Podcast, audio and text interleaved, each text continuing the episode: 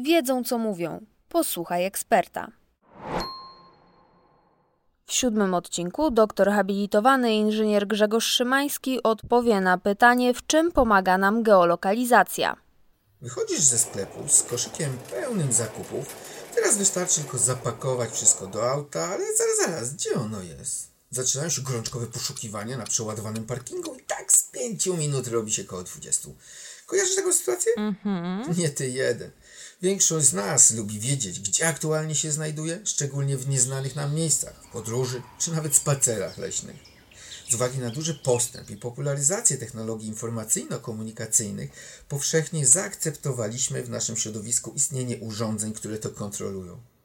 Często geolokalizacja kojarzy się z popularnym systemem GPS, także z nawigacją samochodową i określaniem położenia w przestrzeni otwartej.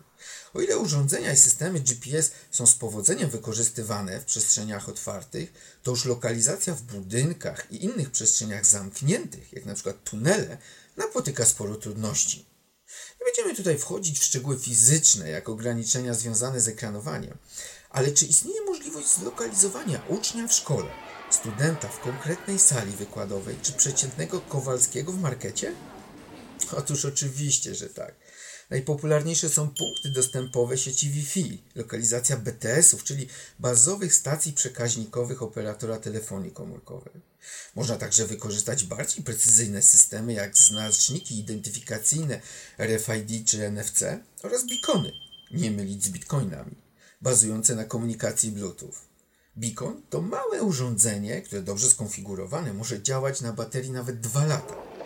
Już w 2015 roku jedna z łódzkich galerii handlowych zamontowała u siebie aż 300 bikonów. Po co? Dzięki nim możliwa jest prezentacja spersonalizowanych ofert promocyjnych dla odwiedzających konkretne sklepy. Użytkownicy, którzy zainstalują aplikację, otrzymają powiadomienia o promocjach na swoje smartfony w chwili, gdy znajdą się w zasięgu odpowiednich bikonów.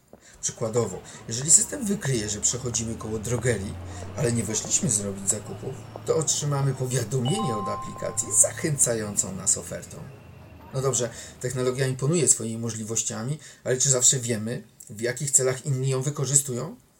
Fala krytyki zalała Google'a, gdy ujawniono, że pojazdy fotografujące ulice na potrzeby usługi Street View zbierały także dane na temat okolicznych sieci Wi-Fi które potem zostały wykorzystane do lokalizacji użytkowników telefonów.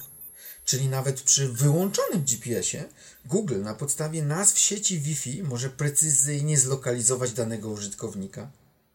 Z jednej strony boimy się ciągłej inwigilacji, z drugiej beztrosko korzystamy z popularnych portali społecznościowych, akceptując ich politykę prywatności, zgadzamy się, aby wykorzystywali informacje powiązane z naszą lokalizacją.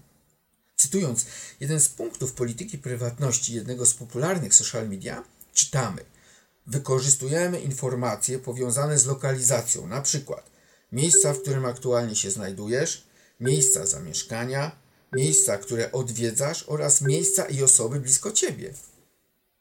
Ostatnio wiele niepokojów wywołała aplikacja Kwarantanna Domowa, e, która została przygotowana przez Ministerstwo Cyfryzacji. Powstała aby wesprzeć proces nadzorowania przebiegu kwarantanny.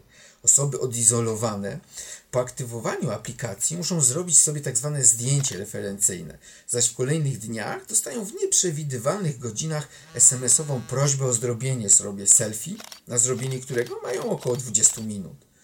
Więc i są zalety geolokalizacji.